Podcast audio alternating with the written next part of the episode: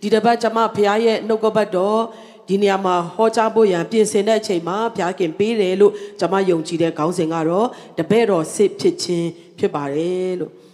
အခြေပြုကျမ်းလေးကိုဖတ်ပါမယ်ရှင်ယောဟန်ခရစ်ဝင်ကျမ်းအခန်းကြီး7အခန်းငယ်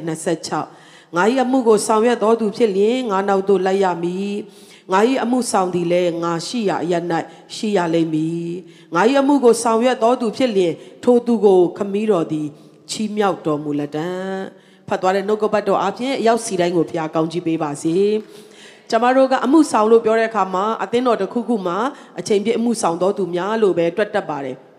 တကယ်တော့เนาะအခြားဒီ version တွေမှာအင်္ဂလိပ်လိုတွေထဲမှာဖတ်ကြည့်မယ်ဆိုရင်ငါရဲ့အစေကိုခံလို့တော်သူကတဲ့เนาะငါရဲ့နောက်ကိုလိုက်ရမယ်ငါရှိရရမှာရှိရမယ်ဒါဆိုရင်တော့ဖခင်ကသူ့ကိုချီးမြှောက်လိုက်မယ်လို့ပြောပါတယ်เนาะဆိုတော့အာကျွန်မ အခုတလောမှာဆင်ခြင်မိတဲ့အရာတခုကဘာလဲဆိုတော့ကဘာပေါ်မှာလူတန်းပေါင်းများစွာရှိတယ်နော်2019ခုနှစ်ရဲ့စစ်တမ်းရနော်ကျမတို့ကြည့်တဲ့ data တွေမှန်တယ်ဆိုရင်တော့လူတန်းပေါင်း9500လောက်ကဘာပေါ်မှာရှိတယ်လို့သိရတယ်အဲ့ထဲမှာခရိယန်ကတော့ခရိယန်အမိခံက3ပုံတပုံလောက်ရှိတယ်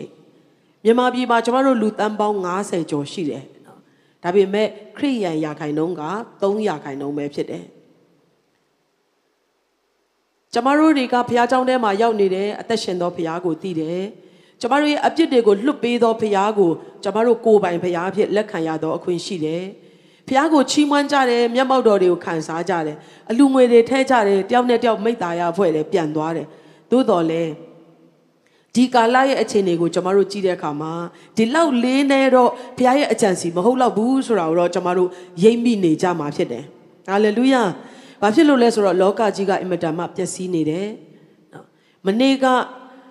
ဟိုအခြေအနေတစ်ခုကဒီနေ့မှာကျွန်တော်တို့မရတော့တာရှိနိုင်တယ်လို့ဒီနေ့ကျွန်တော်တို့လက်ထဲမှာရှိနေတဲ့အခွင့်အရေးတစ်ခုကမနေ့ဖြန်မှာလက်လွတ်ဆုံးရှုံးသွားတာမျိုးလည်းဖြစ်နိုင်တယ်။အပြောင်းလဲများတယ်ခိုင်ခတ်မှုနည်းတယ်တည်ငြိမ်တဲ့အရာဘာမှမရှိတဲ့ခေတ်ကာလကြီးထဲမှာကျွန်တော်တို့နိုင်ငံပဲလားဆိုတော့မဟုတ်ပါဘူးတကဘာလုံးတိုင်းတာနဲ့ဖြစ်ပျက်နေတာဖြစ်တယ်။ဒါတွေကိုကြည့်မယ်ဆိုရင်နောက်ဆုံးသောကာလ ရဲ့နောက်ဆုံးသောအချိန်နာရီကိုကျမတို့ရောက်နေပြီဆိုတာတော့ညင်းလို့မရဘူးကျမ်းစာကအတိအလင်းဖော်ပြထားပြီးသားဖြစ်ပါတယ်ဒီနေ့ကျမကိုတယောက်စာအတွက်စဉ်းစားမယ်ဆိုရင်တော့ကျမကသိရင်ကောင်းကင်သွားမယ်ငရဲကိုကြဆရာမလိုတော့ဘူးကျမမိသားစုဝင်တွေအားလုံးဘုရားကျေးဇူးတော်ကြောင့်ကယ်တင်ခြင်းစိတ်ချမှုရတယ်ဘုရားနောက်ကိုလိုက်တဲ့အတွက်ကျမစားဖို့မပူဘူးကျမအတွက်နေစရာပူစရာမလိုဘူးဘုရားကကျမလိုသောအရာတွေကိုထောက်ပံ့ပေးတယ် ဒါပေမဲ့အဲ့လောက်နဲ့ပဲကျွန်မနေနေတယ်ဆိုရင်ဒီနောက်ဆုံးသောကာလအဆုံးကိုရောက်သွားပြီဆိုရင်တနေ့မှကျွန်မဖះကိုပြန်ပြီးတော့တွေးရတဲ့အချိန်ရောက်လာတဲ့အခါသူ့ရှေ့မှာမတ်တရက်တဲ့အချိန်ရောက်လာတဲ့အခါကျွန်မဘယ်လိုရင်ဆိုင်မလဲဆိုတာကိုနော်အများကြီးခုတလောမှာဆင်ခြင်စဉ်းစားမိတယ်ခုနကပြောတဲ့300ခိုင်နှုန်းသောခရိယန်တွေထဲမှာတကယ်စစ်မှန်တဲ့ယုံကြည်သူဘယ်နှယောက်ရှိမလဲ ခဏခနဲ့တွေလည်းရှိတယ်ဘုရားကျောင်းမရောက်တဲ့ခရိယန်တွေလည်းရှိတယ်ခရစ်စမတ်ခရိယန်တွေလည်းရှိတယ်နော်ဘုရားကိုဒုက္ခရောက်တဲ့အခါဆုတောင်းမှမတောင်းတတ်သေးတဲ့မခေါ်တတ်သေးတဲ့ခရိယန်တွေလည်းအများကြီးရှိတယ်တနည်းအားဖြင့်ကြည့်မယ်ဆိုရင် oneness ရကောင်းတယ်လို့ထင်ရတယ်တစ်ဖက်ကနေကြည့်မယ်ဆိုရင်လည်းကျမတို့လှုပ်ဆက်ရအလုပ်အင်မတန်များပါတယ်ဟာလေလုယာတခါမှတဲ့ဖနက် company တခုကနေပြီးတော့ဒီသူတို့ရဲ့ company ကိုတခြားတိုင်းပြည်တစ်ခုမှာ တီထောင်ဖို့နော်အခွဲလုပ်ပြီးတော့အဲ့မှာစီးပွားရေးလုပ်ငန်းလုပ်ဖို့ရန်အတွက်လူနှစ်ယောက်ကိုလွတ်တယ်တဲ့နော်ပြန်လာတဲ့အခါမှာတယောက်ကဘာပြောလဲဆိုတော့အဲ့ဒီနေရာမှာသွားပြီးတော့ဖနက် company ထောင်ရင်တော့ငါတို့ကတော့မွဲမှာပဲဘသူမှဖနက်မစည်းကြဘူးဒီအစီအစဉ်ကိုဖျက်ရအောင်လို့ပြောတယ်ကျန်တဲ့တယောက်ကတော့ဘသူမှဖနက်မစည်းသေးတဲ့အတွက်ငါတို့ဖနက် company ထောင်ရင်အရန်အောင်မြင်မယ်ဒီနေ့ကျမတို့ရဲ့အတွေးခေါ်တွေ စာရမဲမိန်စေတဲ့အရာတွေကိုဒီနေ့ပြန်လဲပေါ်ထုတ်ရအောင်ဟာလေလုယာသင်ရဲ့အနီးနားပတ်ဝန်းကျင်မှာလူတွေရဲ့မျက်နာကိုကြည့်ပါလူတွေရဲ့မျက်လုံးကိုကြည့်ပါလူတွေရဲ့အခြေအနေကိုကြည့်ပါလူတိုင်းကမျောလင့်ချက်မဲ့နေတယ်လူတိုင်းကစိုးရွံ့ခြင်းတွေနဲ့ထိတ်လန့်ခြင်းတွေနဲ့ကြောက်ရွံ့ခြင်းတွေနဲ့အာမခံချက်မရှိတဲ့ဘဝတက်တာထဲမှာသွာလာနေတဲ့ကာလမှာကျမတို့မှာရှိသောအာမခံချက်ဟာလေလုယာ ကျမတို့မှာရှိသောဆုတောင်းခြင်းကိုအပြည့်ပေးနိုင်သောဖခင်ကျမတို့ရဲ့အထဲမှာရှိနေတဲ့အရာခတ်သိမ်းရဲ့ပျက်စီးခြင်းတွေကနေကယ်နှုတ်နိုင်သောဖခင်ကိုမိတ်ဆက်ပေးသောအသက်တာဖြစ်ဖို့ရောက်စီတိုင်းကိုဘုရားကောင်းချီးပေးပါစေဟာလေလုယာလူတိုင်းကလုံနိုင်သောအရာဖြစ်တယ်လူတချို့အတွက်ပဲမဟုတ်ဘူးဒီကာလဟာရိတ်သိမ်းရမယ့်ကာလဖြစ်ပါတယ်အာမင် ဟာလေလုယာအာလူအများစုကစိတ်ပြက်နေတာလူအများစုကလမ်းမားနေတာဒီကာလတော့ငါတို့အတွက်စိတ်ပြက်စရာပဲဆိုပြီးရောရောင်ပြီးစိတ်ပြက်ဖို့မဟုတ်ပဲနဲ့ကျမတို့ရဲ့ဖြစ်ချင်းအမှန်ထင်ရှားရမယ့်ကာလရောက်လာပြီဆိုတာယုံကြည်သူများတတိချက်ဖို့ရန်အတွက်ဘုရားကောင်းချီးပေးပါစေဟာလေလုယာဖះเจ้าတဲ့ယုံနဲ့ခြေနဲ့တော့တက်တာမဟုတ်တော့ဘဲနဲ့ဖះเจ้าကိုလူမြောက်များစွာကိုခေါ်လာတော့တက်တာဖြစ်ဖို့ဘုရားကောင်းချီးပေးပါစေ။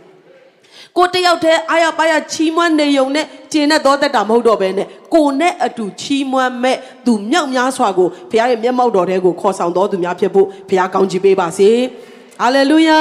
အနာမှာရှိရလို့ပြောပေးပါအောင်ဒါသင်တဲ့ကျွန်ုပ်လုပ်ရမယ့်အလုပ်ဖြစ်တယ်လို့ပြောရအောင် ကျမတို့ကယုံကြည်သူယုံကြည်သူလို့ပြောကြတယ်နော်ခရိယန်တွေပေါ့တနည်းအားဖြင့်ဒီလောကမှာကျမတို့အသက်ရှင်တဲ့အခါမှာအခုတလောကျမကိုကိုကိုကြည့်တဲ့အခါဘာကိုမြင်မိလဲဆိုတော့တခါတည်းမှာကျမတို့က assignment မရှိဘဲနဲ့လှုပ်ဆရာအမှုကိစ္စမရှိဘဲနဲ့ဒီလောကမှာအပျော်အသက်လာရှင်တဲ့ပုံစံမျိုးတချို့တလေတွေ့ရတယ်နော်တခါတည်းမှာကျွန်တော်တို့အလုံးမရှိတဲ့အချိန်အားလက်တဲ့အချိန်ဆိုအရန်ပျော်တယ်နော် relax ဖြစ်တယ်အာတခါတည်းစိတ်ကိုလွတ်လပ်စွာထားပြီးတော့ကျွန်တော်တို့အသက်ရှင်တတ်ကြတယ် ဒါပေမဲ့ဒီကာလကတော့ကျွန်တော်တို့ခပန်းစီးရမယ့်ကာလဖြစ်တယ်ခရစ်တော်နောက်ကိုကျွန်တော်တို့ရဲ့လိုက်ချင်းတွေတာ၍ဂယုဆိုင်ရမယ့်ကာလဖြစ်တယ်အကြောင်းကတော့ရိတ်သိမ်းပွဲဖြစ်တယ်ဟာလေလုယာနောက်ဆုံးသောကာလမှာအဆုလိုက်ပြုံလိုက်ပြောင်းလဲဖို့နော်လူတိုင်းကခရစ်တော်ရဲ့နောက်ကိုလိုက်လာဖို့လူတိုင်းကကယ်တင်ခြင်းကိုလက်ခံဖို့ဒါကဘုရားရဲ့အလိုတော်ဖြစ်တယ် ထိုကဲ့သို့ဖြစ်နိုင်ဖို့ရန်အတွက်ကျမတို့ကအလုပ်တွေအကုန်လုံးထားခဲ့ပြီးတော့ကျောင်းတွေမတက်တော့ဘဲနဲ့အကုန်လုံးအမှုဆောင်ရမလားဆိုတော့မဟုတ်ပါဘူးတကယ်တော့ယုံကြည်သူတိုင်းကိုဘုရားကဘာဖြစ်စေခြင်းလဲဆိုတော့သူ့ရဲ့တပည့်တော်များဖြစ်စေခြင်းတယ်ကျမကျမ်းစာတစ်ပိုက်ဖတ်ချင်တယ်နော်မသက်ခန်းကြီး78 28အခန်းငယ်19 20မှာသင်တို့သွား၍လူမျိုးတကာတို့ကိုငါတပည့်ဖြစ်စေလျက်ခမည်းတော်သားတော်တန်ရှင်တော်ဝိညာဉ်တော်နာမ၌ဗတ္တိဇံကိုပေးကြလော့တပည့်တော်ဖြစ်ရမယ့်သူဟာတချို့ပဲမဟုတ်ဘူး လူမျိုးတကာဖြစ်တယ်ကျမတို့တွေအားလုံးအပါဝင်ဖြစ်တယ်ဟာလေလုယာလူမျိုးမရှိတဲ့လူဒီမှာတယောက်မှမရှိဘူးမေးလိုက်လို့ရှိရင်ရှိလွန်းလို့တောင်မှလူမျိုးထဲမှာမှเนาะကျမတို့မျိုးနွယ်စုမျိုးနွယ်စုထဲမှာတောင်မှကျမတို့ရဲ့ family name เนาะကျမတို့အသီးသီးရှိကြတယ်ဆိုတော့လူမျိုးတိုင်းကတဲ့เนาะလူမျိုးတကာကဘသူရဲ့တပည့်ဖြစ်ရမလဲဆိုတော့ဖခင်ရဲ့တပည့်ဖြစ်ရမယ်ဟာ လေလုယာလူတူတယောက်ရဲ့တပည့်ဖြစ်ဖို့မလိုဘူးအဖွဲ့အစည်းတစ်ခုရဲ့တပည့်ဖြစ်ဖို့အရင်ဆုံးမလိုဘူးခရစ်တော်ရဲ့တပည့်ဖြစ်ဖို့တော့အရင်ရေးကြည့်တာဖြစ်တယ်တပည့်ဆိုတဲ့အခါမှာသင်ယူသောအသက်တာနော်သူ့ရဲ့နောက်ကိုလိုက်သောအသက်တာသူ့ရဲ့ဥဆောင်မှုနောက်မှာအစင်တစိုက်လိုက်သောအသက်တာကပဲတပည့်တော်ဖြစ်ခြင်းလို့ပြောတာဖြစ်တယ်အောက်မှာဗာဆက်ပြောလဲဆိုတော့ငါဒီသင်တို့အားပေးသမျှသောပညတ်တော်တို့ကိုစောင့်ရှောက်စေခြင်းကဆုံးမဩဝါဒပေးကြလော့တပည့်တော်ဆိုတာဖခင်ရဲ့အဆုံးအမကိုနာခံသောတက်တာဖြစ်တယ် ကိုကြိုက်တယ်လို့အသက်ရှင်တာကတပည့်တော်ဖြစ်ခြင်းမဟုတ်ဘူးနော်ဒီနေ့ကျမတို့ကြောင်းတစ်ကြောင်းမှာသွားအပ်တယ်ဆိုရင်အဲ့ဒီကြောင်းရဲ့စီးကမ်းကိုလိုက်ရတယ်အဲ့ဒီကြောင်းရဲ့တင်ပေးသောအရာကိုကျမတို့ကခံယူရတယ်လက်တွေ့လှုပ်ဆောင်တတ်တဲ့အခါကျမှကြောင်းကနေဆင်းရတာဖြစ်တယ်ဆိုတော့ဒီနေ့ခရစ်တော်ရဲ့တပည့်ဖြစ်ဖို့ဆိုရင်တော့ခရစ်တော်ရဲ့နောက်ကိုလိုက်တော်တတ်တာခရစ်တော်ရဲ့ဩဝါဒကိုခံယူတော်တတ်တာဖြစ်ဖို့ရန်အတွက်အထူးပဲလိုအပ်ပါတယ် အဲ့ဒီလိုခရစ်တော်နောက်လိုက်တော်သူခရစ်တော်ရဲ့တပည့်ဖြစ်တော်သူတွေအတွက်တဲ့ငါသည်လဲကက်ကပါဂုံတိတိုင်အောင်သင်တို့နဲ့အတူအစင်မပြတ်ရှိသည်ဟုတပည့်တော်တို့အားမိန့်တော်မူ၏ဟာလေလုယာကျမတို့တပည့်တော်လို့ပြောတဲ့အခါမှာလူတွေကနားလဲတာတခါတလေကြားလို့ရှိရင်နော်ပုံဖော်တာအနှဲငယ်လေးလွဲမှားတတ်တယ်ယေရှုကဒီလောကမှာရှိတဲ့အချိန်မှာသူ့ရဲ့တပည့်တော်အထူးရွေးကောက်လိုက်တဲ့ရွေးချယ်လိုက်တဲ့တပည့်တော်ဘယ်နှယောက်ရှိလဲ 12ယောက်ရှိတယ်အဲ့လောက်တော့ကျမတို့ကောင်းကောင်းသိတယ်နော်။ online ကနေဖြေနေတဲ့လူတွေလည်းရှိမယ်ထင်တယ်။ကျေးဇူးတင်တယ်။အဲ့ဒီ12ယောက်ကိုကိုတော်ကဘာအတွက်ရွေးတယ်လဲ။နော်တစ်ချက်လောက်ကျမတို့ကြည့်ရအောင်။ရှင်မသက်အခန်းကြီး30အခန်းငယ်1မှာတကြိတ်နှစ်ပါးသောတပည့်တော်တို့ကိုခေါ်တော်မူပြီးမှညစ်ညူးသောနတ်တို့ကိုနှင်ထုတ်ခြင်းက၎င်းအနာရောဂါအမျိုးမျိုးတို့ကိုငြိမ်းစေခြင်းက၎င်းအခွင့်ပေးတော်မူ၏ဟာလေလုယာကျမတို့ကိုတပည့်တော်ဖြစ်ဖို့ရန်အတွက်ခေါ်လိုက်တဲ့အချိန်မှာနော်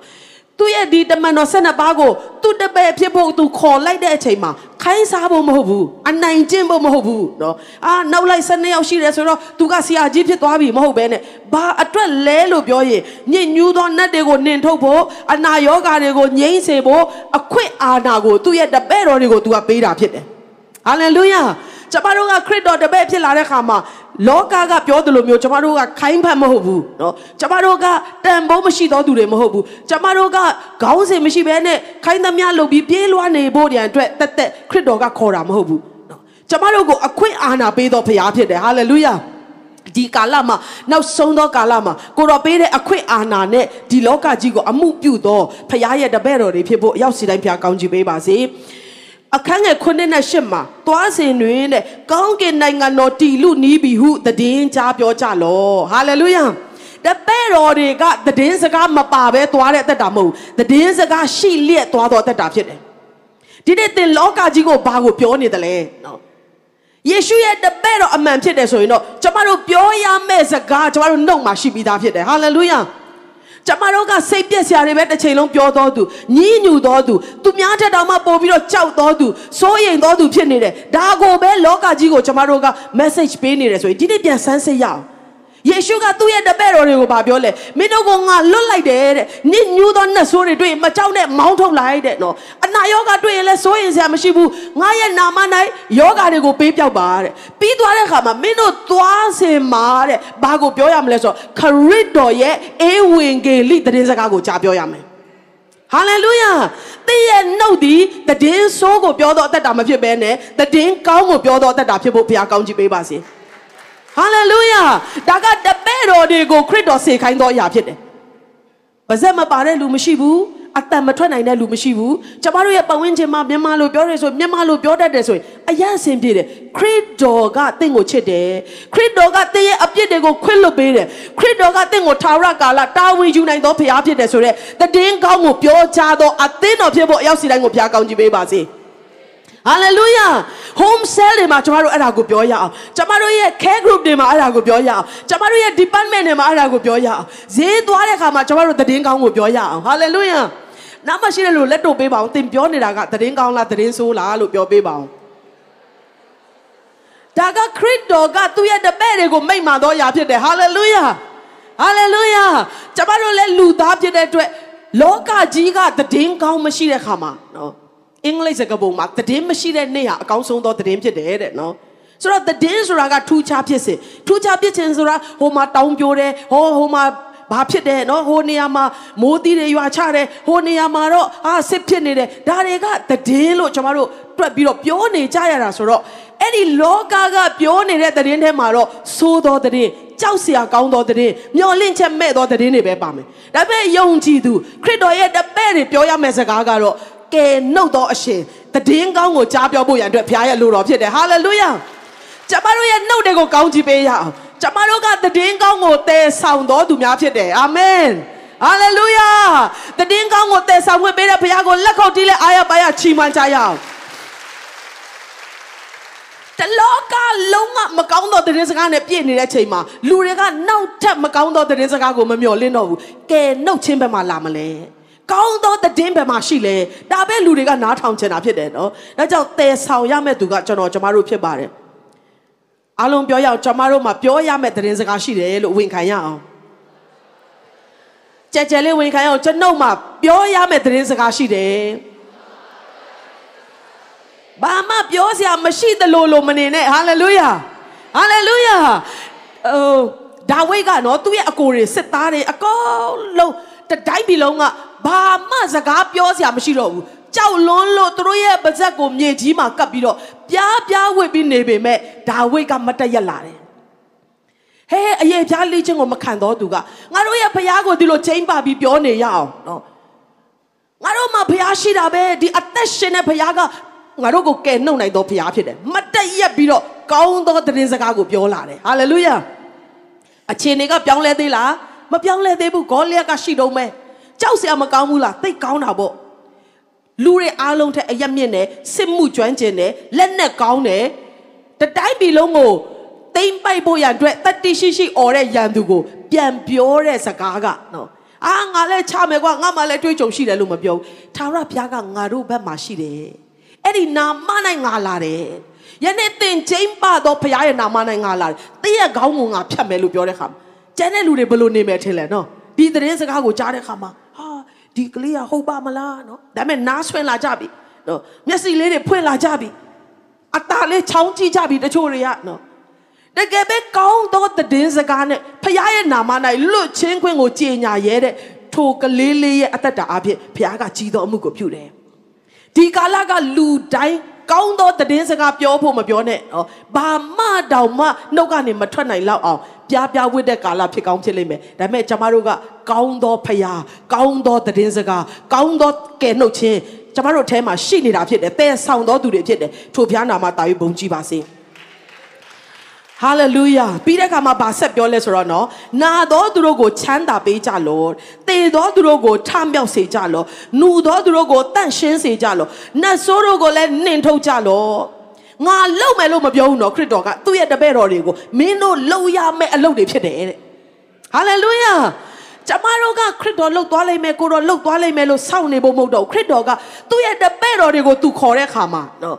assignment မရှိဘဲနဲ့ခေါ်တာမဟုတ်ဘူးရည်ရွယ်ချက်မရှိဘဲနဲ့ခေါ်တာမဟုတ်ဘူးခရစ်တော်ကိုစားဒီလောကမှာသူ့ရဲ့တပည့်တော်ဖြစ်တဲ့ကျမတို့တွေအားဖြင့်ဘုရားရဲ့ဘုန်းတော်ထင်ရှားဖို့ဘုရားရဲ့အလိုတော်ဖြစ်တယ်ဟာလေလုယာ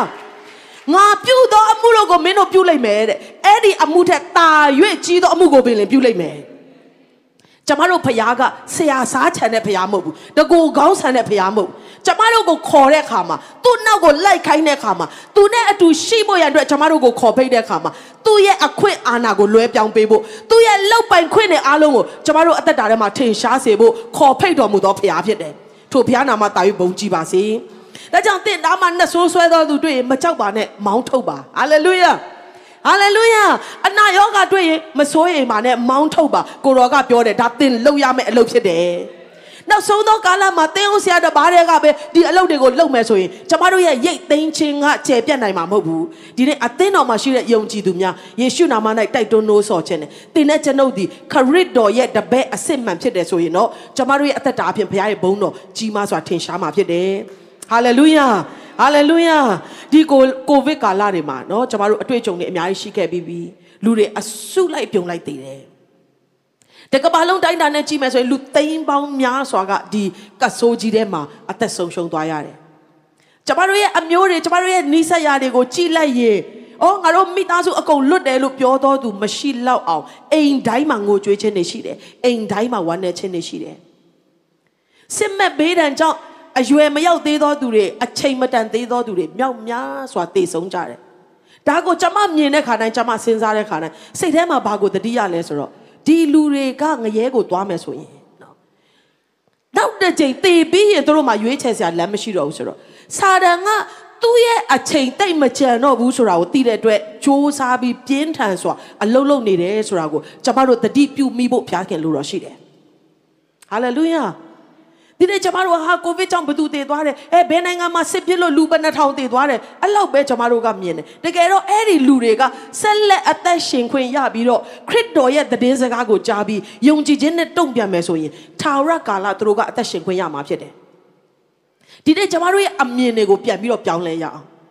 စာတန်ကသူ့ရဲ့အချိန်တိတ်မကြံတော့ဘူးဆိုတာနားလေလို့သူကတယောက်စားနှစ်ယောက်စားမဟုတ်တော့ဘူးအဆုလိုက်အပြုံလိုက်ငရဲကိုခေါ်သွားဖို့ကြိုးစားတယ်ဆိုရင်ဒီနေ့ယုံကြည်သူများဖခင်ရဲ့တပည့်တော်များဟာလေလုယာသူ့ရဲ့အခွင့်တကောအာဏာကိုရတော်သူများကျမတို့ဒီတိုင်းငြိမ်နေဖို့မဟုတ်ဘူးဆိုတာကိုဝိညာဉ်တော်ဘုရားကအသက်တပံနှိုးဆော်နေပါတယ်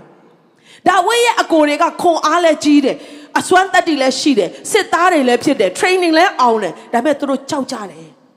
ဒီကာလဟာကျမတို့လူအမြင်နဲ့ကြည့်ရင်အားကြီးတယ်လို့ထင်ရတဲ့လူတွေလူအနေနဲ့ကြည့်ရင်အားကြစရာကောင်းတယ်လို့ထင်ရတဲ့သူများပင်လင်မြေကြီးမှာပြပြဝင့်နေသောကာလဖြစ်တယ်ဘယ်သူတွေကပဲမတရမဲ့ကာလရောက်လာပြီလဲဆိုရင်ခရစ်တော်ကိုယတော်သူများဟာလေလုယာကောင်းသောသတင်းစကားကိုတည်ဆောင်နေသောကျွန်တော်ကျမတို့ကပဲမတရရမဲ့ကာလရောက်လာပြီဖြစ်တယ်ဟာလေလုယာဒါဝိတ်ကလေးတယောက်အားဖြင့်တတိုင်းပြည်လုံးကိုကယ်တင်နိုင်တယ်ဆိုရင်ယနေ့သင်အားဖြင့်ဘုရားကကြီးသောအမှုကိုပြုနိုင်တာဖြစ်တယ် ကျမတို့အဲ့သင်းတော်အပြင်ဘုရားကကြီးမားသောရိတ်သိမ်းခြင်းအမှုကိုလှုပ်ခြင်းတဲ့ဘုရားဖြစ်တယ်ဒီအသင်းတော်နာမည်ကြီးဖို့ဒီအသင်းတော်ကိုလူသိများဖို့နံပါတ်1အရေးကြီးဆုံးမဟုတ်ဘူးအသင်းတော်လို့ပြောတဲ့အခါမှာကျမတို့တူးချင်းဖြစ်တဲ့အတွက်လူတိုင်းကသစ္စာရှိစွာခရစ်တော်နောက်ကိုလိုက်ပြီးတော့ဘုရားရဲ့အလိုတော်ကိုဆောင်ပြီးတော့ကောင်းသောသတင်းစကားကိုတည်ဆောင်ပြီးနတ်ဆိုးဆွဲသောသူတွေခြောက်နှောင်ခြင်းခံရသောသူတွေကိုလွတ်ချင်းခွင့်ပေးရမယ့်ချိန်ကာလရောက်လာပြီဖြစ်တယ်ဟာလေလုယာ အသင်းတော်ဆိုတာခရစ်တော်ရဲ့ကိုယ်ခန္ဓာဖြစ်တယ်ခရစ်တော်လှုပ်သမျှကျွန်တော်တို့လုံနိုင်ဖို့ရန်အတွက်သူကကျွန်တော်တို့ကိုခေါ်ထားတာဖြစ်တယ်ဒါပေမဲ့ကျွန်တော်တို့သူနဲ့ကင်းကွာတယ်ဆိုရင်တော့သူရှိတော့အရာမှာမရှိဘဲနဲ့သူရဲ့အလိုကိုမဆောင်ဘဲနဲ့စကားနားမထောင်တဲ့အသက်တာနဲ့ဆိုရင်တော့ကျွန်တော်တို့ဒီဘာမျှမတတ်နိုင်တော့အသင်းတော်ဘာမျှမတတ်နိုင်တော့ယုံကြည်သူတွေဖြစ်သွားမှာဖြစ်တယ်ဒါကြောင့်ဒီနေ့တတိချရအောင်ယုံကြည်သူများဒေါင်ဒေါင်မြည်ခရိယံဖြစ်ဖို့ဘုရားလိုတော်ရှိတယ်ဟာလေလုယာဟာလေလုယာ ဒီနေ့သင်ကအာတယောက်ကအားပေးမှတယောက်ကနိုးစော်မှအာတယောက်ကတခါတည်းနရင်အုံမတက်နော်ဆူတောင်းပေးမှနော်နိုးထလာပြီးတော့ဖြက်လက်လာပြီးဘာလို့ရမလဲဆိုတာမျိုးမဟုတ်ပဲနဲ့ကျမတို့ဒီအချိန်တိုင်းနိုးကြရမယ်ဟာလေလုယာအချိန်တိုင်းတတိရှိရမယ်ကျမတို့တက္ကစီငားစီးတယ်ဆိုရင်တက္ကစီငားစီးလာတဲ့နေရာမှာဘယ်ကောင်းသောတင်းစကားကိုဘသူ့ကိုဝင်ပြလို့ရမလဲဈေးသွားတယ်ကျမတို့မှာအလုပ်သမားတွေရှိတယ်ကျမတို့မှာမိတ်ဆွေတွေရှိတယ်အပေါင်းအသင်းတွေရှိတယ်လူတိုင်းလှုပ်လို့ရတဲ့အလုပ်က ခရစ်တော်ရဲ့ကောင်းသောတင်းစကားကိုတည်ဆောင်ခြင်းဝေမျှခြင်းဖြစ်ပါတယ်ခွန်အားရယုံဖို့ပဲနဲ့ထိုးရကိုလက်တွေ့လှုပ်ဆောင်နိုင်သောအသက်တာဖြစ်ဖို့ဘုရားကောင်းချီးပေးပါစေဝင်းခံမအောင်ငါဟာတောင်းတောင်းမြခရစ်ယာန်ဖြစ်တယ်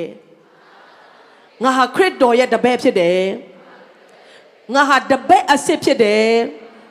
ငါဟာမပြင်းရသောသူဖြစ်တယ်ငါဟာကောင်းသောတည်စကားကိုတည်ဆောင်သောသူဖြစ်တယ်ငါဟာလွတ်ချင်းခွင့်ကိုတည်ဆောင်သောသူဖြစ်တယ် ငါဟာခရစ်တော်ပြုတော်မှုကိုပြုနိုင်တော်သူဖြစ်တယ်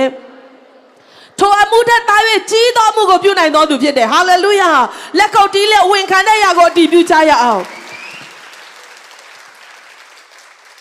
လူတွေကတပည့်ရွေးတဲ့ခါမှာနော်ဥမာသူတို့တင်ပေးမဲ့ပညာနဲ့မူတည်ပြီးတော့ဂီတာဆိုရင်လည်းတီးနိုင်လောက်တဲ့လက္ခဏာရှိသလားနော်အစွမ်းတတ္တိရှိသလားဒီတယောက်ကတော့ဘလောက်ပဲပြုစုပြုစုအစင်မပြေလောက်ဘူးဆိုရင်အာရှုပ်တယ်မလာနဲ့နော်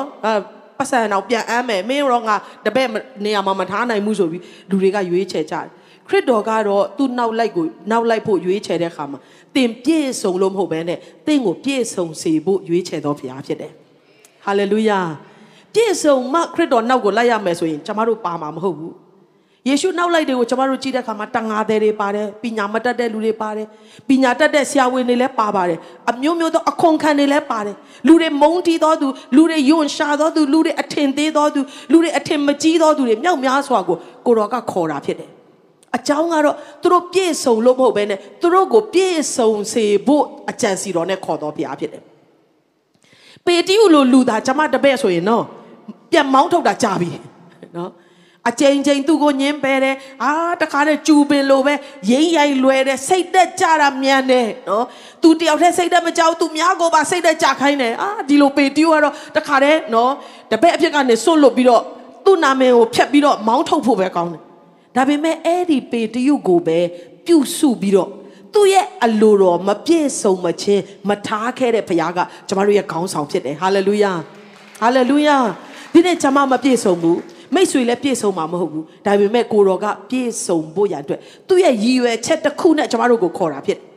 ကျမတို့ကလူတယောက်ကိုဆက်ဆံတဲ့အခါမှာသူ့ရဲ့လက်ရှိအခြေအနေနဲ့ဆက်ဆံတယ်။ဖခင်ကကြတော့ဒီလူကိုငါဘာဖြစ်စေမလဲဆိုတော့တော့နောက်ဆုံးရလက်အဖြေပေါ်မူတည်ပြီးတော့ဆက်ဆံတဲ့ဖခင်ဖြစ်တယ်။ကျမကျမ်းစာလေးတစ်ပိုက်ဖတ်ချင်တယ်နော်။မဿဲခန်းကြီး လေးအခန်းငယ်16 20မှာဂါလိလဲအိုင်နာမှာကြွတော်မူစဉ်ပေတရုဟူ၍ခေါ်ပေါ်သောရှီမုန်နှင့်အိန္ဒြေညီကိုနှစ်ယောက်တို့သည်တန်ငါသည်ဖြစ်၍အိုင်တွင်ပိုက်ကွန်ဖြန့်ချသည်ကိုမြင်တော်မူလျင်ထိုသူတို့အားငါနောက်သို့လိုက်ကြလော့ကျေးဇူးပြု၍လိုက်ဆိုပေးပါသင်တို့သည်လူကိုမြားသောတန်ငါဖြစ်စေခြင်းကငါပြုမိဟု အမိန်တော်ရှိလေသောထိုသူတို့သည်ချက်ချင်း ပိုက်ကုံကိုစွန့်ပြစ်၍နောက်တော်သို့လိုက်ကြ၏ဟာလေလုယာဖခင်ခေါ်တဲ့ခါမှာလေအချီးနှီးခေါ်တာတယောက်မှမရှိဘူးဒီလူကိုငါဘာဖြစ်စေမလဲဆိုတော့သူ့ရဲ့အကြံစီတော်ပြည့်စုံဖို့ရန်အတွက်သူကခေါ်ခြင်းဖြစ်တယ်ဒီနေ့ကျမတို့တယောက်နဲ့တယောက်အရေးချင်းတွေမတူဘူးကျမတို့ရဲ့အနေထားတွေမတူဘူးဒါပေမဲ့ကိုရောကနော်တကယ် final product ထွက်လာမယ့်အရာဘာလဲဆိုတာ तू ကဖန်ဆင်းသောဘုရားနော် तू ကအရာအခက်သိမ်းကိုစီရင်သောဘုရားဖြစ်တဲ့အတွက်ကြိုတိနှင့်သောဘုရားဖြစ်တယ် hallelujah ဟာလေလုယာအိုးကိုလှုပ်တဲ့လူကပင်လင်နော်ဒီဟာကိုငါကရေအိုးလှုပ်မယ်ဒါကိုတော့ဟင်းချက်တဲ့အိုးလှုပ်မယ်ဒါကတော့ပန်းအိုးလှုပ်မယ်မလှုပ်ခင်မှာကြိုပြီးတော့သိတယ်ဆိုရင်ဒီရွှွန့်တုံးကိုကြည့်ပြီးတော့ဘာဖြစ်လာမလဲဆိုတော့ပုံဖော်နိုင်တယ်ဆိုရင်တင့်ကိုဖန်ဆင်းတော်ဘုရားကတင့်ရဲ့နောက်ဆုံးထွက်လာမဲ့ပုံကိုမြင်ပြီးသားဖြစ်တယ်ဟာလေလုယာပေတျိုခေါ်တဲ့အခါမှာငါနောက်လိုက်ခဲ့လေနော် အပေါင်းကြည့်ကြတာပေါ့တခုခုတော့အပြေထွက်ရင်ထွက်မှာပါအစင်ပြေသလိုခြိတက်ကြတာပေါ့မင်းကပန်းအိုးဖြစ်ရင်ဖြစ်မယ်မင်းကထမင်းအိုးဖြစ်ရင်ဖြစ်မယ်မင်းကတော့ရေအိုးဖြစ်ရင်ဖြစ်မယ်မပြောဘူးနော်ပေတူးငါနောက်ကိုလိုက်ပါလူကိုများသောတငါဖြစ်စေမယ်ဖခင်ကကျမကိုခေါ်တဲ့အခါမှာသူ့ရဲ့အကြံစီတော်ပြည့်စုံဖို့ခေါ်ထားတယ်ဆိုတော့နားလည်တဲ့အခါမှာအယက်ပျော်စရာကောင်းတယ်ဟာလေလုယာပြီးရင်ဒီမှာဗာပြောလဲဆိုတော့လူကိုများသောတငါ ဖြစ်စေခြင်းငါငါပြုမိတဲ့ဟာလေလုယာ ငါနောက်ကိုလိုက်ခဲ့မင်းစ조사နော်အာလူတွေကိုမြားတတ်ဖို့နော်လူတွေကိုအာတခါတည်းဟိုပိုက်ကိုနဲ့ချပြီးတော့ဖမ်းတတ်တဲ့လူဖြစ်ဖို့မင်းစ조사မင်းစ조사ရင်းနဲ့တစုံတစ်ခုတော့ထူးခြားလာမယ်မပြောဘဲနဲ့မင်းကိုလူကိုများသောတန်ငါဖြစ်စေခြင်းငါဘာသူပြုတ်မလဲငါပြုတ်မယ်တဲ့ဟာလေလုယာကိုရောကပြုတ်မှာဖြစ်တယ်ကိုရောကတင်းရဲ့ ဖခင်ရဲ့အကြံစီတော့တင်းရဲ့တက်တာထဲမှာပြည့်စုံလာဖို့ရန်အတွက်သူကပဲလှုပ်ဆောင်သွားမှာဖြစ်တယ်ကျမတို့လှုပ်ရမယ့်အလုပ်ကတော့တစ်ခုရှိတယ်အဲ့လိုခေါ်တဲ့ခါမှာသူတို့ညီကိုတွေကဘာလုပ်ကြလဲချက်ချင်းပိုက်ကွန်ကိုဆွန့်ပြေး၍နောက်တော်သို့လိုက်ကြ၏အနာမရှိလို့ပြောပေးပါသင်လှုပ်ရမယ့်အလုပ်ရှိတယ်လို့ပြောပေးပါဦးကိုတော်ကသင်ကို worship leader ဖြစ်စေဖို့ခေါ်တာဖြစ်ရင်ဖြစ်မယ်သင်ကို evangelist ဖြစ်ဖို့ သို့မဟုတ်လို့ရှင်လဲသင်ကိုစီးပွားရေးသမားဖြစ်ပြီးတော့တကယ်ပဲဘုရားရဲ့ဘုန်းတော်ထင်ရှားစေဖို့သင်သင်ကိုအိမ်ရှင်မဖြစ်ပြီးတော့သားသမီးတွေကိုဘုရားရဲ့အလိုတော်တိုင်းပြုစုပြီးတော့တကယ်ပဲလူမြောက်များစွာတဲ့ကောင်းကြီးဖြစ်တဲ့လူပုဂ္ဂိုလ်လေးတွေနော်သားသမီးလေးတွေဖြစ်လာဖို့ပြုစုတော်သူဖြစ်နေဘုရားကခေါ်ရင်ခေါ်မယ်သင်ကိုဘုရားခေါ်တဲ့အရာကိုသင်ရဲ့တက်တာထဲမှာပြည့်စုံစေခြင်းနဲ့ဆိုရင်တော့သင်လုပ်ရမယ့်အလုပ်တစ်ခုရှိတယ်ဆွန့်လွတ်ရမယ့်အရာများကိုဆွန့်လွတ်နိုင်သောတက်တာဖြစ်ရမယ် ဒီပိုက်ကွန်ကြီးကိုဖက်တွယ်ထားရင်းနဲ့တော့ဒီငါးပန်းလေကြီးကိုဖက်တွယ်ထားရင်းနဲ့တော့ခရစ်တော်ရဲ့ခေါ်ခြင်းနောက်ကိုသူတို့လိုက်လို့မရဘူးချက်ချင်းသူတို့ကပိုက်ကွန်ကိုထားခဲ့တယ်အားလုံးပြောရအောင်ချက်ချင်းဟာလေလုယာသူတို့ရဲ့တုံ့ပြန်မှုကအင်မတန်ချစ်စရာကောင်းတယ်သူတို့ရဲ့စီးပွားရေးလုပ်ငန်းသူတို့ရဲ့အသက်မွေးဝမ်းကြောင်းသူတို့ရဲ့နေ့စဉ်အသက်ရှင်မှုကိုယက်တီစေနိုင်သောအရာတွေအားလုံးထားခဲ့ပြီးတော့ခရစ်တော်နောက်ကိုလိုက်ကြတယ် အဲ့ဒီအခါကြမှာငါပြုတ်မယ်ဆိုရက်ဘုရားရဲ့ဂတိတော်ကသူတို့အသက်တာမှာအလုံးလုံးလာတယ်တကယ်ပဲပေတူရဲ့အသက်တာကိုကျွန်တော်တို့ကြည့်မယ်ဆိုရင်လူမြောက်များစွာကိုမြားသောအသက်တာလူမြောက်များစွာကိုခရစ်တော်စီကိုခေါ်ဆောင်သောအသက်တာဖြစ်ဖို့ရန်အတွက်ကိုတော်ကအဆုံးတိုင်အောင်လက်မလျှော့ဘဲနဲ့အသုံးပြုပြီးတော့ကောင်းချီးပေးခဲ့တယ်ဆိုတာကိုတွေ့ရတယ်အချိန်ချင်းလဲကြတဲ့တပည့်တော်အချိန်ချင်းခရစ်တော်ကိုညှင်းဆန်သောတပည့်တော်အချိန်ချင်းစိတ်သက်ကြသောသူအချိန်ချင်းဖခင်ကိုညှင်းဆန်သောသူ ယေရှုကိုကေသရှင်မဲ့ဥယျာဉ်ထဲမှာလာဖမ်းတဲ့ချိန်မှာထားခဲ့ပြီးတော့ထွက်ပြေးတဲ့တပည့်တော်တွေကိုပဲပြန်လိုက်ရှာတဲ့ဖခင်ဖြစ်တယ်ဟာလေလုယာကျမတို့သက်တာမှာအခုဒီမှာလူမြောက်များစွာရှိနေပါတယ်။ online ကနေလည်းနားထောင်နေတယ်။ဒီချိန်တခါခရစ်တော်နောက်ကိုလိုက်ခဲ့တယ်။ဒါပေမဲ့သင်ကစိတ်သက်ကြတော်သူဖြစ်နေသလား။လဲကြတော်သူဖြစ်နေသလား။စွန့်လွတ်တော်သူဖြစ်နေသလား။ယေရှုကိုထားခဲ့ပြီးထွက်ပြေးတော်သူဖြစ်နေသလား။ကိုတော်ကသင်ကိုလိုက်ရှာတော်ဖခင်ဖြစ်တယ်။သူတို့ငားပြန်ဖမ်းနေတယ်အဲ့ဒီနေရာထိလိုက်ခေါ်တယ်။ သူတို့ကိုကင်ပြီးသားငားကိုကျွေးပြီးတော့စောင့်နေတယ်။ဒီနေ့ကျမတို့ကိုယေရှုကတပည့်ဖြစ်ဖို့ရန်အတွက်သူ့ရဲ့တပည့်ဖြစ်ဖို့ခေါ်တဲ့အခါမှာနိုင်စားခြင်းလို့စော်ကားခြင်းလို့တော့ကျမတို့ကိုခိုင်းစားခြင်းလို့မဟုတ်ဘဲနဲ့တကယ်ပဲကျမတို့ရဲ့အသက်တာအဖြစ်သူ့ရဲ့အလိုတော်ပြည့်စုံဖို့ကျမတို့ကိုခေါ်ခြင်းဖြစ်တယ်။ဒါကိုနားလည်နိုင်ဖို့အရောက်စီတိုင်းကိုဘုရားကောင်းချီးပေးပါစေ။ဒီလောက်အရေးချင်းမပြည့်မီဘူးလို့ပြောလို့ရတယ်။ဒီလောက်တောင်မှညံ့ပြင်းတဲ့သူတွေကိုတစ်ချိန်မှာလောကကိုမောက်လန်တော်သူအဖြစ်နဲ့ ပြောင်းလဲပေးတော်ဘုရားပြုစုတော်ဘုရားကအင်မတန်မှကောင်းတဲ့ကျမတို့ရဲ့ခေါင်းဆောင်ဖြစ်တယ်။နောက်လိုက်တင့်တော့ကျမတို့ရဲ့ဖရားဖြစ်တယ်တပည့်တော်တွေလက်ထက်ရောက်လာတဲ့အခါမှာဘလောက်ထိဖရားရဲ့စကားတော်ပြည့်စုံတယ်လဲသူတို့အရေးနဲ့ထိတော်သူပင်လေကျမ်းမာရတယ်နတ်ဆိုးတွေကိုသူတို့မောင်းထုတ်ကြတယ်ဟာလေလုယာလူမြောက်များစွာကိုအသက်ချမ်းသာရစေဖို့ရန်အတွက်ခရစ်တော်နဲ့မိတ်ဆက်ပေးကြတယ်ဒါကတပည့်တော်တွေရဲ့အသက်တာမှာမြင်ရသောဖရားရဲ့သက်သေဖြစ်တယ် တခါတရားဟောတယ်လူ3000ပြောင်းလဲတယ်တခါတရားဟောတယ်လူ9000ပြောင်းလဲတယ်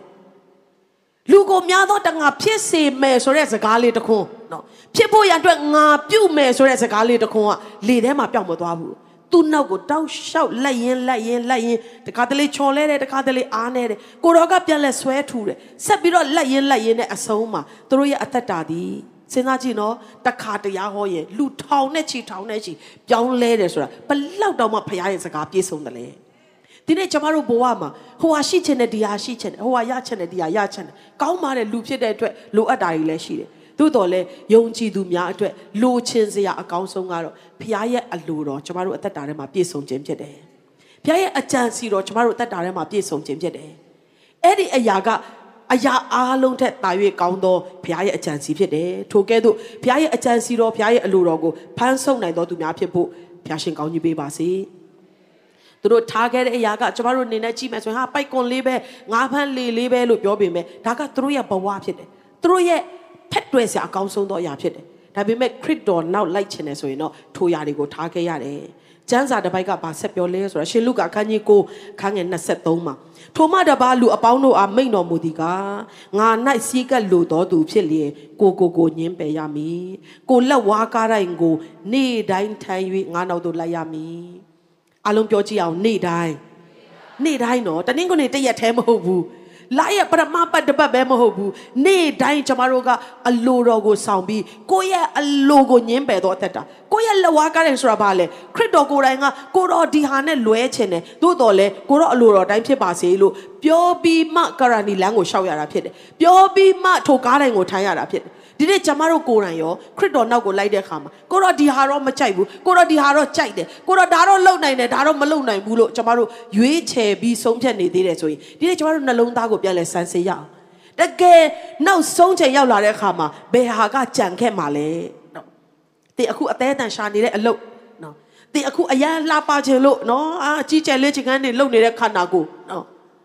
အရန်ကိုစားခြင်းလို့ဘလောက်ဝေးဝေးနော်အကြီးကျယ်ကားတွေမောင်းပြီးတော့သွားပြီးရှာစားတဲ့အစားအစာတင်တိတ်လိုခြင်းလို့ရှာနေတဲ့ဘွဲတွေဂုံတူးတွေကမကောင်းဘူးလို့မပြောဘူးတိတ်ကောင်းတယ်ဘုရားကလည်းသူ့ရဲ့ဘုန်းတော်အတွက်အသုံးပြုနိုင်တယ်သို့တော်လည်းထိုရအားလုံးရဲ့အထက်မှာကျမတို့အတွက်အရေးကြီးဆုံးသောအရာရှိနေတယ်ဆိုတာမမေ့ဖို့ရန်အတွက်ဘုရားခင်လို့တော့ရှိတယ်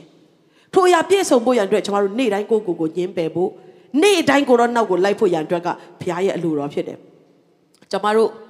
မိသားစုဘဝရဲ့အသက်သေခံချက်နော်အားလုံးကအမြဲတမ်းကြားနေမှာဖြစ်တယ်။ကျမရဲ့တဦးချင်းမှာလည်းသက်သေခံစရာတွေအများကြီးရှိတယ်။ကျမငယ်သောအရွယ်မှာဘုရားကိုစပြီးတော့သိတယ်။ဆယ်ကျော်သက်ဘဝမရောက်ခင်ချိန်မှာကလေးကခရစ်တော်ကိုကယ်တင်ရှင်ဖြစ်နေလက်ခံတယ်။ဆယ်ကျော်သက်ဘဝရောက်လာတဲ့အခါမှာကျမတို့ဘုရားကျေးဇူးတော်ကြောင့်မုံရွာမှာအသင်းတော်လေးစလာတယ်။လုံးဝစားဝတ်နေရေးမပြေလည်တဲ့အင်မတန်မှဆင်းရဲတဲ့ရက်ွက်တွေမှာကျမတို့ကလေးသူငယ်တွေကိုတွားပြီးတော့ Sunday School သင်ပေးရတယ် စပိန်နဲ့စီးခုနမိုင်ရှစ်မိုင်ခီးကိုစီးပြီးတော့သွားခဲ့ရတယ်ကျမတို့ရဲ့ဆယ်ကျော်သက်ဘဝကိုပြန်ကြည့်မယ်ဆိုရင်เนาะတခါတလေစွန့်လွတ်ရတယ်ဆိုတဲ့အရာတွေကလေငွေကြေးတခုတည်းမဟုတ်ဘူးဖီအနောက်ကိုလိုက်ရင်ဆင်းရဲသွားမယ်ပတ်စံတခုတည်းပြောတာမဟုတ်ဘူးတခါတလေမှာကျွန်တော်တို့နှလုံးသားထဲမှာအမတန်တန်ဖိုးထားရတဲ့အရာတွေကိုဖခင်ကထားခဲ့ခိုင်းတဲ့အချိန်တွေရှိတတ်တယ်ကျမတို့ဆယ်ကျော်သက်ဘဝကိုပြန်စဉ်းစားကြည့်လိုက်အတင်းတော်မှာလူသိမ့်မများတဲ့အတွက်ဒီလူတွေရဲ့ဝိညာဉ်ရေးဟာဒီလူတွေရဲ့ဟိုစားဝင်တွေရဲ့ဒီလူတွေဖျားကြောင်ရောက်ဖို့ပဲ တစ်ချိန်လုံးစဉ်းစားရတဲ့ခါကျတော့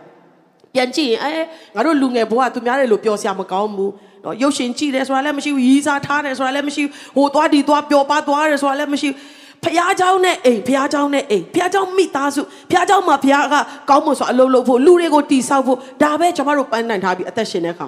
လူနေတဲ့ကြည့်ရင်တော့လူငယ်ဘဝကိုဆုံးရှုံးလိုက်ရတယ်လို့ခံစားရတယ်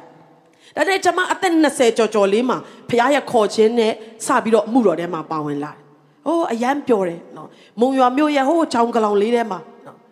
ကျွန်မစပြီးတော့အမှုတော်ဆောင်ဆက်ကရေးဆက်ကရေးနဲ့အာ license minister ဖြစ်လာတဲ့ချိန်မှာကျွန်မအသက်20ကျော်ကျော်လေးပဲရှိသေးတယ်အဲ့ချိန်မှာအဖေကဝန်တန်းဆိုတော့အမြဲတမ်းမအားတဲ့ခါမှာမုံရွာမြို့ရဲ့ပတ်ပတ်လည်မှာရှိတဲ့9မိုင်10မိုင်10မိုင်နော် ကြတဲ့တို့လက်ရမတို့ပလဲတို့နော်ကျင်းနီမိုင်းတို့အကုန်လုံးကျွန်မဆိုင်ကယ်တစ်စီးနဲ့နေပူထဲမှာသွားပြီးတော့ပွဲတော်သွားပေးတယ်ယုံကြည်သူတွေလင်းငါးရင်ရှိပြီဆိုရင်သွားတယ်အယမ်းပျော်တယ်အဲ့ဒီဘဝကိုကျွန်မသိပြီးတော့နှစ်သက်တယ်ဟာကိုတော့ပျော်လိုက်တာဒါပေမဲ့တစ်ချိန်မှာကိုတော့ကမဟုတ်ဘူးမင်းကဒီကနေထွက်ပြီးတော့စင်ကာပူမှာသွားပြီးအမှုတော်ဆောင်ရမယ်ကျွန်မအချိန်ချိန်ဖះကိုညင်းတယ်တခါတလေမှလေဖះခိုင်းတဲ့အရာကနော် ကောင်းတာကိုစွန့်လွတ်ဖို့ဆိုရင်တခါတလေကြားလို့ရှိရင်ခက်ခဲမယ်လို့ထင်တာနော်တခါတလေမှာတိတ်မကောင်းဘူးအာတောထဲမှာဘယ်သူမှမသိတဲ့ဘဝနဲ့ကိုကပူပျော်တယ်ဒါပေမဲ့အဲ့ဒါကိုဖျားစွန့်လွတ်ခိုင်းတဲ့အချိန်လည်းရှိပြန်ရောနော်ဆိုတော့ဖခင်ရဲ့လမ်းညွန်ချက်ကိုကျွန်တော်တို့ကအမြဲတမ်းနာခံတဲ့အသက်တာဖြစ်တယ်ဆိုရင်ဖခင်ကမကောင်းတာဘယ်တော့မှတင့်တွက်မကြံစီဘူးကျွန်မအချိန်ချင်းပြောတယ်ကိုတော့ဒီမှာတိတ်ပျော်စရာကောင်းတယ်မဟုတ်ဘူးလား ဆိုင်ကယ်လေးတစ်စီးနဲ့ကျွန်မကယုံကြည်သူတွေတောထဲတောင်ထဲမှာသွားပြီးတော့ပွဲတော်ပေးတယ်နော်သူတို့ကိုလိုအပ်တဲ့အခါမှာနှုတ်ကပတ်တော်တွေနဲ့ခွန်အားပေးတယ်ကျွန်မဒီဘဝကိုအရန်ပျော်တယ်ကိုတော့မဟုတ်ဘူးမင်းစင်ကာပူမှာသွားရမယ်ဆိုတော့အဲ့မှာအသင်းတော်မှာကျွန်မ10နှစ်တာနော်အဲ့နိုင်ငံမှာနေထိုင်ခွင့်ရဖို့ရန်အတွက်အကောင့်တန်လည်းလုပ်ရတယ်အသင်းတော်ကိစ္စတွေလည်းကျွန်မတက်နိုင်တယ်လို့ပါဝင်လာတဲ့ခါမှာအော်ငါတိတာထက်ဘုရားရဲ့အကြံစီကပို့ပြီးတော့ကြီးမားပါလားဟာလေလုယာ တခါတလေမှာဖះဆွန့်လွတ်ခိုင်းတဲ့အရာတွေကနော်လူတွေအနေနဲ့ကြည်ရင်အရန်ကောင်းတယ်လေဘာဆွန့်လွတ်ဆရာရှိလဲလို့ထင်ရပေမဲ့ဖះထားခဲ့ခိုင်းတယ်ဆိုရင်အဲ့ဒီလေထက်အဲ့ဒီပိုက်ကွန်ထက်အဲ့ဒီငါးတွေထက်တာ၍ကောင်းသောအရာသင်ရဲ့အသက်တာမှာရဖို့ရအတွက်ဖះကစီခိုင်းခြင်းဖြစ်တတ်တယ်လိုက်လျှောက်နိုင်သောတက်တာဖြစ်ဖို့ဘုရားကောင်းချီးပေးပါစေတခါမှတဲ့ကပေနောင်မြို့မှာယေရှုကတရားဟောတယ် ဟောတဲ့အခါမှာ तू ကဘာပြောလဲဆိုတော့အသက်ရှင်တော်မူသောခမည်းတော်သည်ငါ့ကိုဆေလွတ်တော်မူ၍ငါသည်ခမည်းတော်အားဖြင့်အသက်ရှင်သည်နီးတူငါ့ကိုစားတော်သူသည်ငါအားဖြင့်အသက်ရှင်မယ်တဲ့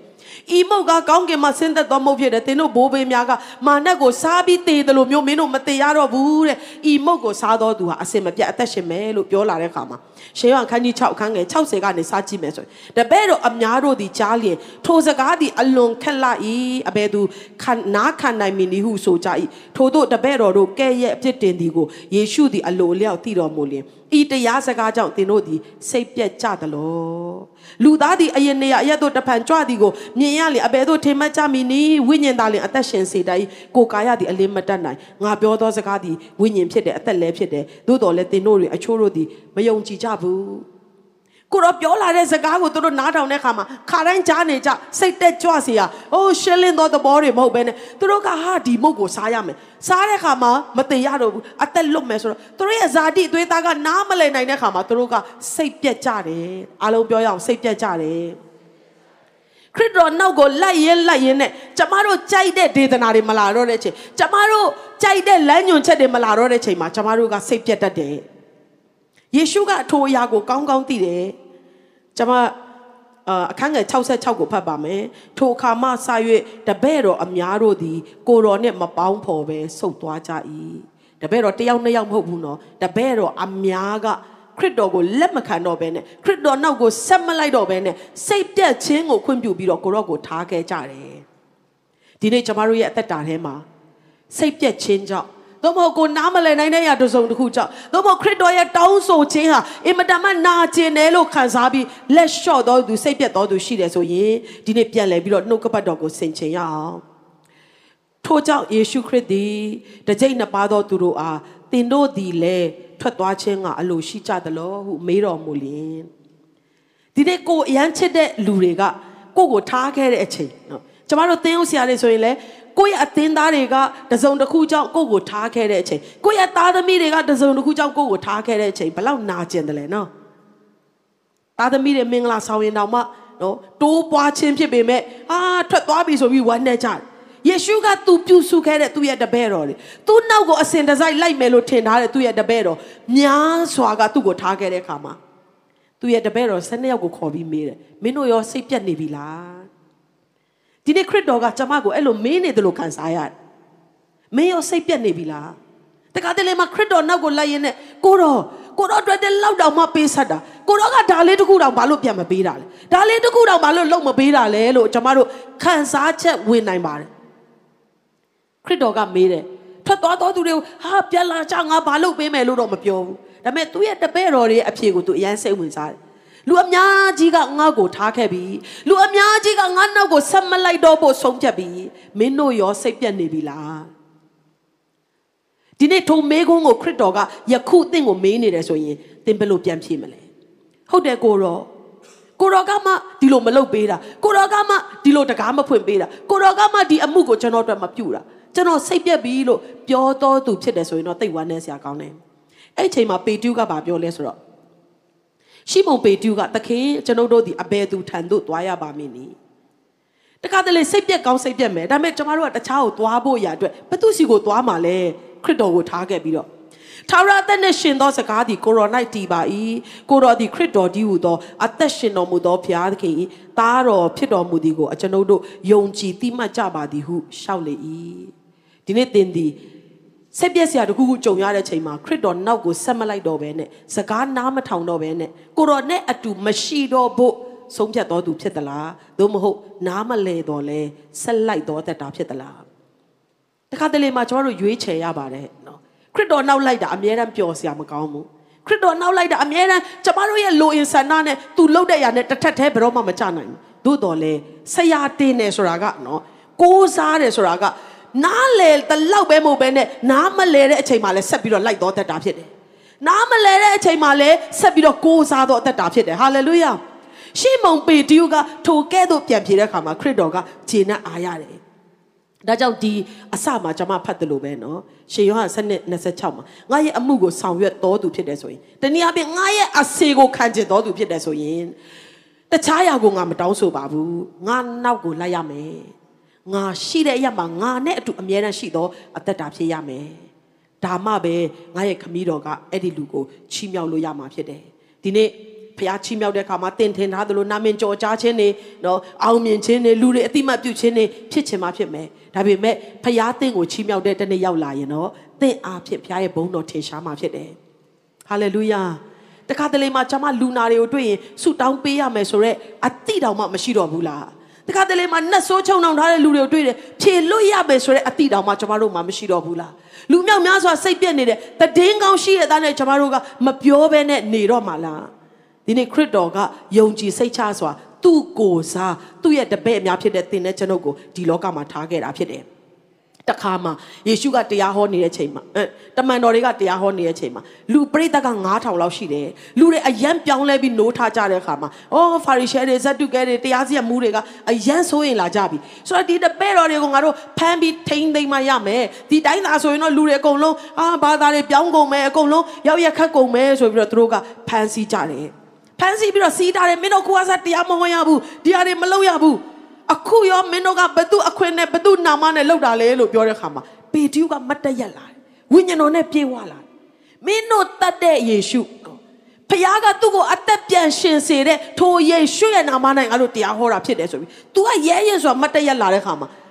အော်ကြတယ်တရားစီရဲ့မူတွေဖာရီရှဲတွေဇတ်တုကဲတွေပါတာရေးကြီးခဲ့တယ်ဟာဒီတယောက်ကဘာကြောင့်အဲ့လောက်ရဲရဲစွာနဲ့တရားဟောနိုင်တာလဲ ကျမ်းစာလေးတစ်ပတ်ဖတ်ချင်သေးတယ်နော်တမန်တော်ဝတ္ထုခန်းကြီးလေးအခန်းငယ်73မှာထိုသူတို့သည်ပေတျုနှင့်ယောဟန်တို့၏ရဲရင်တတိကိုမြင်၍လူတက်မဟုတ်လူတာမညတာဖြစ်သည်ကိုတိမှတ်သဖြင့်အံ့ဩ၍နေကြ၏ထိုသူနှစ်ယောက်တို့သည်အထက်ကယေရှုနှင့်အတူရှိသည်ကိုတတိယကြတယ်ဟာလေလုယာယေရှုကငါနဲ့အတူရှိပါငါရှိအရမှာရှိပါငါနောက်ကိုလိုက်ပါလို့ပြောတဲ့ခါမှာကျမတို့အပေါ်မှာသူ့ရဲ့တကိုးတော်ကိုသူကလွှဲပြောင်းပေးခြင်းလို့ဖြစ်တယ်ဟာလေလုယာ ပေတုနဲ့ယောဟန်ကြည့်ရတာရိုးရိုးလူတွေမဟုတ်ဘူးလားပညာတတ်တွေလည်းမဟုတ်ဘူးเนาะတာမန်လူတွေပဲဘာကြောင့်ဒီတကိုးတွေဒီအခွင့်အာဏာတွေဒီရဲရင်ချင်းတွေကိုရတယ်လဲလို့သူတို့သုံးသပ်တဲ့ခါမှာအော်အထက်ကသူတို့ဒီခရစ်တော်နဲ့အတူရှိခဲ့ကြတယ်ဒီနေ့ကျွန်တော်တို့ယုံကြည်သူတွေနော်ခရစ်တော်နဲ့အတူရှိနေသေးရဲ့လားဘုရားရဲ့မျက်မှောက်တော်ထဲမှာကျွန်တော်တို့အသက်ရှင်နေသေးရဲ့လားပြန်လည်စမ်းစစ်ရအောင် ကိုတော်နဲ့အတူနီးကပ်စွာရှိနေခြင်းကပဲသူ့ရဲ့တကိုးတော်တွေကိုကျမတို့အသက်တာထဲမှာစီစဉ်စေနိုင်တာဖြစ်တယ်။သင်အားဖြင့်လူမြောက်များစွာကငရဲကနေလွတ်မြောက်ပြီးတော့ဘုရားကအိမ်တော်ကိုဝင်စားဖို့ရန်အတွက်ဘုရားကသင်ကိုစိတ်ချတာဖြစ်တယ်။ဟာလေလုယာ။ဟာလေလုယာ။အဲကြောင့်နောက်ဆုံးကျမ်းစာအနေနဲ့ကျွန်မဖတ်ချင်တဲ့အရာကခရစ်တော်ကတော့ဇာတိကိုခန္ဓာအားဖြင့်ကျွန်တော်တို့နဲ့အတူမရှိဘူး။ဒါဆိုရင်ခရစ်တော်နဲ့အတူရှိသောအသက်တာ ခရစ်တော်နောက်ကိုလိုက်သောအသက်တာကဘာကိုဆိုလိုသလဲလို့ပြောရင်ရှေယောအခန်းကြီး၈အခန်းငယ်31မှာထိုအခါယေရှုကသင်တို့သည်ငါ၏ဒေသနာ၌တည်လျင်ငါတပည့်အမှန်ဖြစ်ကြတယ်တပည့်မှန်တယ်မမှန်ဘူးဆိုတာဘာနဲ့ခရစ်တော်ရဲ့တပည့်အစ်စ်ဖြစ်တယ်အစ်စ်မဖြစ်ဘူးဆိုတာဘာနဲ့တိုင်းတာတယ်လဲလို့ပြောရင်ကိုရောရဲ့ဒေသနာ၌တည်လားမတည်ဘူးလားတနည်းအားဖြင့်ကိုရောရဲ့ဆုံးမတုံတင်ခြင်းကိုခံယူသလားမခံယူဘူးလား ကိုရောစကားကိုနားထောင်သလားနားမထောင်ဘူးလားနောက်ဆုံးသောတနေ့ရောက်လာတဲ့အခါမှာသခင်သခင်လို့ခေါ်တဲ့သူတိုင်းကကောင်းကင်နိုင်ငံကိုဝင်ရမှာမဟုတ်ဘူးငါခမည်းတော်ရဲ့အလိုတော်ကိုစောင့်တော်သူသားလင်ကောင်းကင်နိုင်ငံကိုဝင်ရကြလိမ့်မယ်ဒီနေ့လောကရည်အရေးမကြီးဘူးလို့ကျွန်မမပြောပါဘူးကျမ်းမာဖို့အရေးကြီးတယ်လှပဖို့အရေးကြီးတယ်သုံးစရာဖို့ရှိဖို့အရေးကြီးတယ်အပေါင်းအသင်းတွေအတိုင်းဝိုင်းတွေအရေးကြီးတယ်အတန်းတွေပညာတွေအရေးကြီးတယ်ဘွဲ့တွေဂုဏ်တွေအရေးကြီးတယ်သို့တော်လည်း အဲ့ဓာတွေအားလုံးနဲ့အတူငရဲကိုသွားမယ်ဆိုရင်တိတ်ပြီးတော့ဝမ်းနည်းစရာကောင်းတယ်ဒီကာလကနေလွန်မြောက်ပြီးတော့တမလွန်ကိုရောက်သွားတဲ့ချိန်မှာထာဝရကာလအစပြုခြင်းဖြစ်တယ်အဲ့ဒီထာဝရကထာဝရငရဲလားထာဝရကောင်းကင်လားဆိုတာအသက်ရှင်စင်မှာကျွန်တော်တို့ရွေးချယ်ဆုံးဖြတ်ရမယ့်အရာဖြစ်တယ်။တင်က ကောင်းကင်ရောက်ဖို့တေချာတယ်ငရဲကနေလွတ်မြောက်ကြောင်းအရန်တေချာတယ်ငါတေရင်ဘယ်သွားမလဲလို့စဉ်းစားလိုက်တိုင်းမှာတင်းအတွက်တိကျမှန်ကန်သောအဖြစ်နှုတ်ကပတ်တော်အားဖြင့်ရှိနေပြီဆိုရင်ဂျေဇုတော်ကိုချီးမွမ်းပါအကယ်၍မရှိသေးဘူးဆိုရင်ယခုအချိန်ကတင်းအတွက်အကောင်းဆုံးသောအချိန်ကာလဖြစ်တယ်လူတိုင်းအတွက်ကဲတင်ခြင်းတကားကဖွင့်ထားလျက်ရှိတယ် လောကကမပေးနိုင်တဲ့ငြိမ်သက်ခြင်းလောကကမပေးနိုင်တဲ့ဝမ်းမြောက်ခြင်းအပြင်ဘာနဲ့မှစ조사လို့မရနိုင်တဲ့ထာဝရအသက်အပြစ်လွတ်ခြင်းကိုပေးဖို့ရအတွက်ခရစ်တော်ကသင်ကိုစောင့်နေတာဖြစ်တယ်ထိုအရာကိုတင်ဒီနေ့ရရှိပြီးသားဖြစ်တယ်ဆိုရင်လည်းစဉ်းစားကြည့်ပါစစ်ဘေးကြောင့်တည်နေတဲ့လူတွေဒုံငနဲ့ဒိုင်းငနဲ့ကတ်ကာလကြောင့် နောက်ဆက်တွဲကြောင့်ကိုဗစ်ရဲ့နောက်ဆက်တွဲကြောင့်အမျိုးမျိုးသောယောဂါတွေနဲ့ငယ်ရွယ်စင်မာပင်လေရုတ်တရက်ရုတ်တရက်အသက်ဆုံးရှုံးနေတော်သူမြောက်များစွာတင့်ပတ်လည်မှာရှိတယ်သူတို့ကိုမနှမျောတတ်သေးဘူးဆိုရင်သူတို့ရဲ့အသက်တာထဲမှာတင်တယ်ဆောင်နေသောကောင်းသောသတင်းစကားကိုမပြောချင်သေးဘူးမပြောရဲသေးဘူးဆိုရင်ဒီနေ့ဝိညာဉ်တော်ဘုရားကတင်တဲ့ကျွန်ုပ်ကိုအသက်တပံလှုပ်နိုးသောကာလဖြစ်တယ်။ကိုရရဲ့ဒေသနာကိုစောင့်ရှောက်လျက်ကိုရရဲ့အဆုံးမနောက်မှာလိုက်လျှောက်သက်ရှင်လျက်တပည့်တော်အစ်စ်ဖြစ်ကြရအောင်။ ဟာလေလုယာ။ရိမ့်ရိုင်လွယ်သောခနော်ခနဲ့ဖြစ်နေသောလောကကဖမ်းလို့ရတဲ့ဒီငားတွေနဲ့ပဲအလုရှုပ်သောတက်တာမဟုတ်တော့ဘဲနဲ့လူတွေရဲ့ဝိညာဉ်ကိုဖမ်းလျက်ကိုရော့စီကိုခေါ်ဆောင်သောတက်တာဖြစ်ကြရအောင်ဒီမှာကျမတို့ယာနဲ့ချီသောလူမြောက်များစွာရှိနေတယ်ယုံကြည်သူတိုင်းကတစ္ဆာရှိစွာယေရှုနောက်ကိုလိုက်ပြီးတော့ထိုအမှုကိုလှုပ်ဆောင်မယ်ဆိုရင်ကြီးမားသောရိတ်သိမ်းခြင်းကတင်တဲ့ကျွန်ုပ်အတွက်ဖြစ်ပါတယ်ဟာလေလုယာယေရှုတင်တဲ့နှုတ်ကပတ်တော်အပြင်အရောက်စီတိုင်းကိုဘုရားကောင်းချီးပေးပါစေ